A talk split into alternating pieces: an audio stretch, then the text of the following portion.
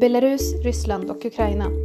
Grannländer som vi i östgruppen bevakat under många år. Vad händer där? Hur ser situationen ut vad gäller de mänskliga rättigheterna? Och varför är dessa länder aktuella för oss i Sverige? I Östpodden samtalar Östgruppens Tobias Ljungvall med svenska experter och gäster från öst. So today I am joined by two guests. One of them you have met before, it's Piotr Rudkouski from the Belarusian Institute for Strategic Studies, BIS. Hello, Piotr, welcome. Hello. And our other guest is Andrei Lankin. Uh, welcome, Andrei. Hi, Piotr. Hi, guys. Let me introduce myself. I'm a, a citizen of Belarus. Last year, I uh, participated in the president campaign and uh, as a head of HQ of Valery Tsepkalo. And right now, I'm head of the uh, our committee of uh, new coming party, Democratic Union. So uh, Valery who was one of the new uh, opposition politicians last summer, uh, but who left Yeah. the country around the time of the elections. Uh, there were also two other new politicians, uh, Babaryka, who is in jail, and um, Tikhanovsky, who is also in jail. Exactly. So now you are trying to form a new party, and uh, you are joined by other people who are also in Tsepkalo's um, team. Is that right? Uh, this new party is uh, partly connected with the former uh, team and partly connected with the former Babaryka's team. And uh, I would say this is a, uh, the, the rest of the HQ of uh, uh, new uh, political forces uh, that were represented by Valery Tsepkalo and uh, Viktor Babaryka. And there is also another uh, new political party being formed, similar to yours, I think. It's called New People, New people, yeah. Novi Ljudi. It's another party. Uh, uh, but somehow you are doing this together, are you?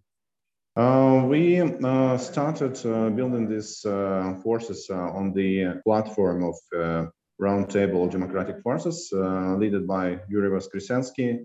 He suggested uh, this idea last year in November, and I joined uh, his team because um, he uh, positioned it as a political co-working that's uh, the place, I would say, even the sandbox for new political parties. a sandbox for new political parties.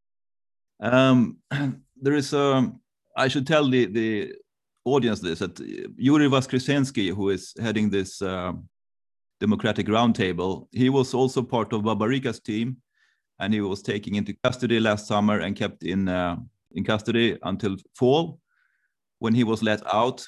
Mhm. At the same time, he gave interviews to state television criticizing the opposition.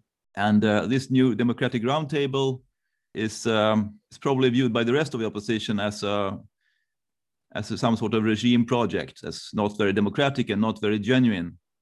Um, it's uh, positioned by uh, opposition as a regime project, uh, and uh, it's. Uh, I would, mm, I would even agree. We are under protection, of course, but I would not say this is a fully controlled uh, project because right now we have the place and we need a people to start the negotiations, and uh, it has from my point of view, uh, it has to be in the uh, in the country, not outside of it. Uh, despite of the uh, repressions, even uh, in even in such condition, we have to sit uh, around the table and start negotiations. That's my point. I had to look at your YouTube channel, uh, where I think every week or every two weeks, maybe you uh, discuss a book, a political theory book with um, Piotr Petrovsky. Piotr Petrovsky, yeah.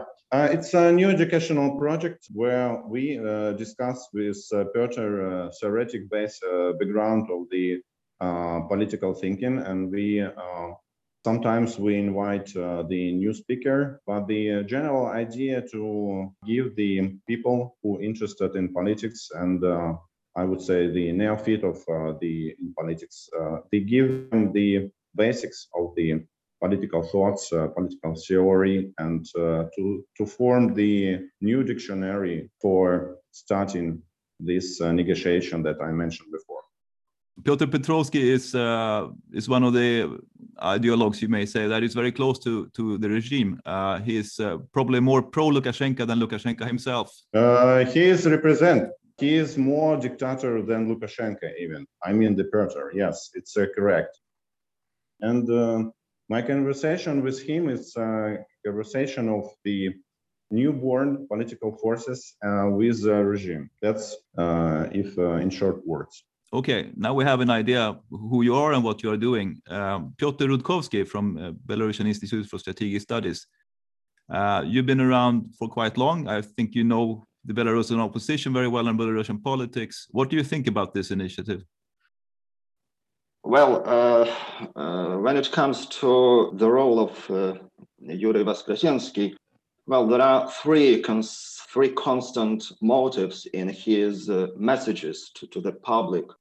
Uh, I, I, mean, after the uh, election, first is that opposition, opposition under Tikhanovskaya, and more broadly, opposition apart from Voskresensky's initiative is is destructive. Uh, another element that Lukashenko is a good guy so maybe maybe he allowed for more violence than it was needed, but in the current state of situation, so Lukashenko is is a guarantee of sovereignty, and may, maybe in in other aspects, for for example, for in terms of preserving Belarusian economy, he is a good guy. And the third motive is that amnesty for political prisoners and those who were accused of, of not, uh, not recognized as political prisoners, but accused because of uh, political grounds have to, uh, have to uh, receive amnesty. So uh, when combined, these three messages, what we have, well, on the one hand, that is creating the image of Lukashenko as, as someone who is to be recognized as high authority of in, in Belarus, at least de facto high authority. And uh, this motive of amnesty is uh, meant to attract uh, attention to this uh, Voskresensky's initiative, well, uh, of those people who are unhappy who are uh, disappointed of policies of, of Belarusian uh, regime. So it's a tricky um, project, a tricky phenomenon. Uh, of course, it's, it's, it comes as no surprise because in, in, in many authoritarian formats, it's, uh, it's quite usual that autocrats create some uh, platforms for co-opting as far as it's possible of uh, people who do not disagree with regime, but uh, they could be neutralized, could be uh, driven from away from taking to more radical actions. So, uh, well, this this is this ha- how it looks from uh, from the side. If we look at this from politological point of view, well, it's uh, it, it's also somewhat risky projects also for authorities. So uh, this this element somehow appears both in the pages of Andrei Lankin and uh, himself. That well, there is there is some room for a relatively autonomous play, and this is true. I I, I do not agree with those who say that this project is thoroughly controlled thoroughly orchestrated by KGB? Well, it is evident that to some extent, yes, but I believe that it is possible uh, for some room of autonomous action. So this initiative also brings some risks, some risks also to the regime. So yes, it's it's not it's somewhat somewhat ambivalent for for the opposition for democratic forces, but it's also somewhat risky uh, for regime too. Uh, I can comment. Please do. No point to argue because I completely agree with Piotr. Oh. Yeah. Maybe I would uh, make uh, the uh, comments to the three points. Uh, the of course, uh, Voskresensky criticized the opposition under, under uh, Tikhanovskaya Uh, it's uh, some uh, proposal of uh, like uh, to switch off the from the SWIFT. It's really destructive for economy. And Voskresensky declared that Lukashenko is, is in power, and this is obvious. But we started not from these points. We started from amnesty because uh, we have to let free all people who worked with us this summer. Babaryka, Kolesnikova, Znak, and uh, when I joined the Voskresensky, I um, asked him to free at least a couple of person and uh, the Vitaly Krivko uh, and uh, Salei Ilya uh, were uh, were free uh, in a couple of days after it. That's uh, maybe a very small result, but this is a result. I see. That is a result. If, if that's, yeah, Voskresensky is working for that. He got some people free. Just two people. But if the one people free two people, they, we will uh, uh, free all people in a couple of weeks. Belarusian human rights organizations uh, have declared over 400 people as political prisoners. So there are quite a lot more to free if you want to free all of them. Over 400, over over three, uh, over 400 in our list, uh, and uh, over uh, 30,000 um, were in prison uh, for detained for shorter periods. Yeah.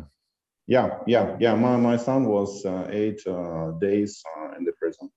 Mm. So if you manage to to get this amnesty wholly or partially, um, do you think you will also manage to, to form these political parties? Because for the last 20 years, no new political parties have been allowed to register in Belarus. There have been attempts, but always, the authorities always find some, some reason to deny them. Let me make my expectations uh, and my estimation. I think, sorry for using the IT terms, I'm an IT guy for 20 years.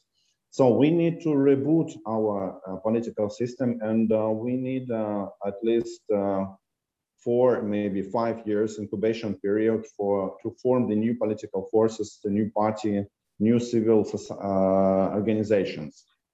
Yes, it's a risk for the regime uh, because these forces will be, I hope, they will be partly autonomous and will drive the Belarusian politic in uh, in the future. But this is a chance. Uh, this is an opportunity, and uh, I I think we have to to try at least to try. Piotr Rudkouski, Belarus will make some constitutional changes probably in January next year, maybe. Do you think there will be room for um, political parties under the new constitution in the new political system if there will be such a new system, or will it go the other way and become even more authoritarian? The direction of constitutional reform is uncertain. And uh, I would say that it is uncertain not only to me or, or, to us, but I think it's also uncertain to authorities too, because everything depends on what Lukashenko do with, with this dilemma to go or to stay. So in my view, he doesn't have a clear answer to this question. Well, either to leave in three, four years or to try to stay longer, maybe for 10, 15 until his death. Everything depends on what will be decision and when this decision will be, it's, it's also uncertain. If he goes, so the constitution must be framed in in such a way in order to ensure safety for him and possibility to impact Belarusian politics after his resignation. So it can be transferring powers to Belarusian National Assembly, something, something to the sort, something to sort as in Libya and uh, uh, Muammar Gaddafi. You mean this Congress that they have every five or six yeah. years? Yeah. Yeah, yeah. Either delegating powers to parliament, uh, to government, there's distributing powers of, of president. So if he stays, of course, a presidential uh, presidency has to be preserved as strong as possible. So if he resigns, then uh, presidency has to be weakened. And uh, powers have to be delegated either to this Congress or to uh, or in, in a more classical, I got into more classical model to parliament and, and the government.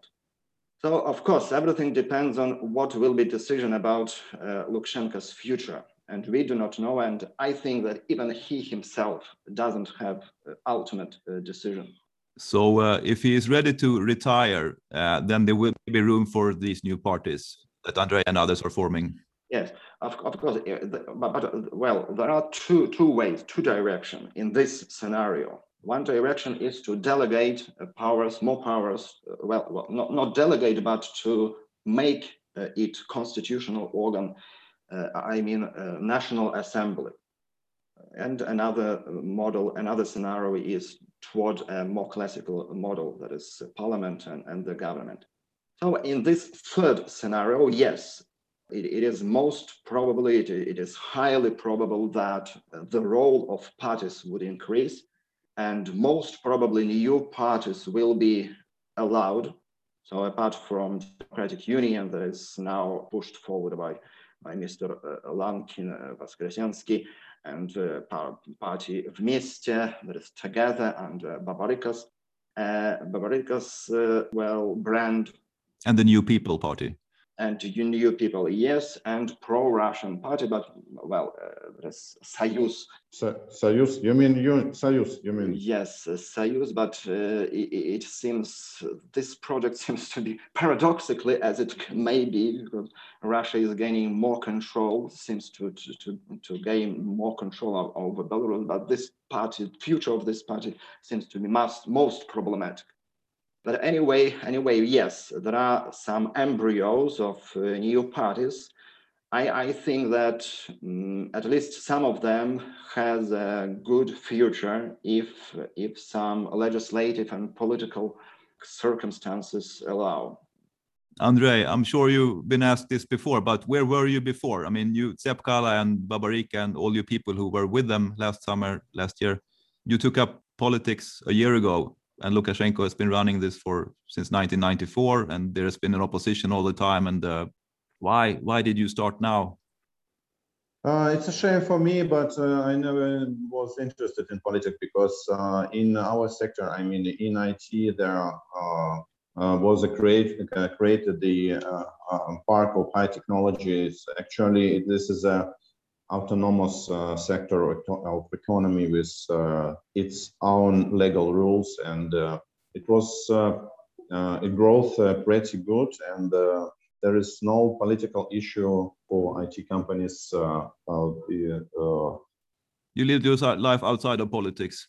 Yes, absolutely. I was in the rating of uh, apolitical people in Belarus. I was on the first place. And are there many like you who were not interested in politics before, but who, yeah. who now are interested? The same story with. Well, it's it's if, if I can in, interest. Uh, well, uh, uh, surveys uh, surveys before the elections. I, I mean, uh, in 2018. Uh, showed that political awareness even was lower than 10 years earlier for example, at the, the beginning, at, at, the end of the previous decade, 2009, 2010, for example, the readiness of people to participate in, in demonstrations was lower than, for example, in 2007. But in 2020, it turned out that so many people are in fact ready to, to participate in the politics. So it's, it's an interesting thing that many people activized politically uh, rapidly. Mm. Uh, I can add that the uh, overall political maturity of the uh, Belarus is uh, pretty low, and um, uh, one of the aim that we uh, define in our political program is to rise this level of political maturity of the citizen through the educational project also.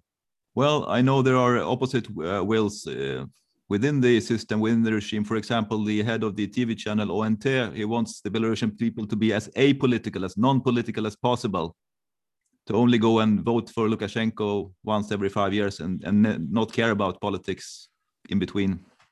Uh, there is uh, there are the changes even the on ONT because uh, I uh, participated in uh, at least one program on this uh, television, and um, I um, share my opinion about the future of uh, Belarusian politics. Also, Did you talk about the amnesty that you want to have? of course, of course, Mm. yeah. So you're not just saying what they want to hear. Uh, any other suggestions? You mean, uh, well, uh, do you have a, does your party, you don't have a party program yet? Do you have any idea um, what, uh, if you have uh, any idea, you can share your ideas. So we are open to any proposal. So uh, we are newbie in politics, so we would uh, uh, welcome any uh, political forces that can help us uh, to uh, reboot this political system in Belarus. I think you would probably have to engage, uh, you know, I wouldn't say aggressively, but at least actively to, to gain more political freedom in Belarus because uh, the way the system works and the laws, it's uh, it's very limited. It's a dictatorship. Uh, we're doing our best right Yeah. now. Well, it's been interesting to talk to you, uh, and uh, we will see what happens with your party projects in the future. So I thank you both, Andre, and Uh, yes, Just may, let me resume uh, maybe Sure. the, with uh, one thought. Uh, I, st- um, I started my um, political career a year ago, and uh, it started from the conversation with Valery Tsepkala. And I asked uh, him uh, just two questions. Uh, first question is um, for how long he ready to participate in it? And because uh, this is not the event, just event. This is a process. The uh, that um, need um, a lot of uh, that need uh, the time uh, years decades. And uh, he asked uh, that uh, he answered it with he is ready to participate in for years. And the second question was how serious he was. And um, i also um, uh, got the answer that he is uh, very serious and he want to spend uh, the uh, he want to participate in politics for serious and um, that's uh, the two answer two questions and two uh, that i ask for myself right now and uh, my answer uh, are the same Hmm. Well, good luck to you in that effort, Andrei Lankin. Thank you thank you and good luck to to all our Yeah. country And thank you, Piotr Rudkowski. Thank you for conversation. thank you piotr nice to meet Thank you you, Andrei. Thank you, Tobias, and good luck. Tack för att du har lyssnat på Östpodden. Om du vill veta mer om mänskliga rättigheter i Östeuropa, besök gärna Östgruppens hemsida och följ oss på sociala medier.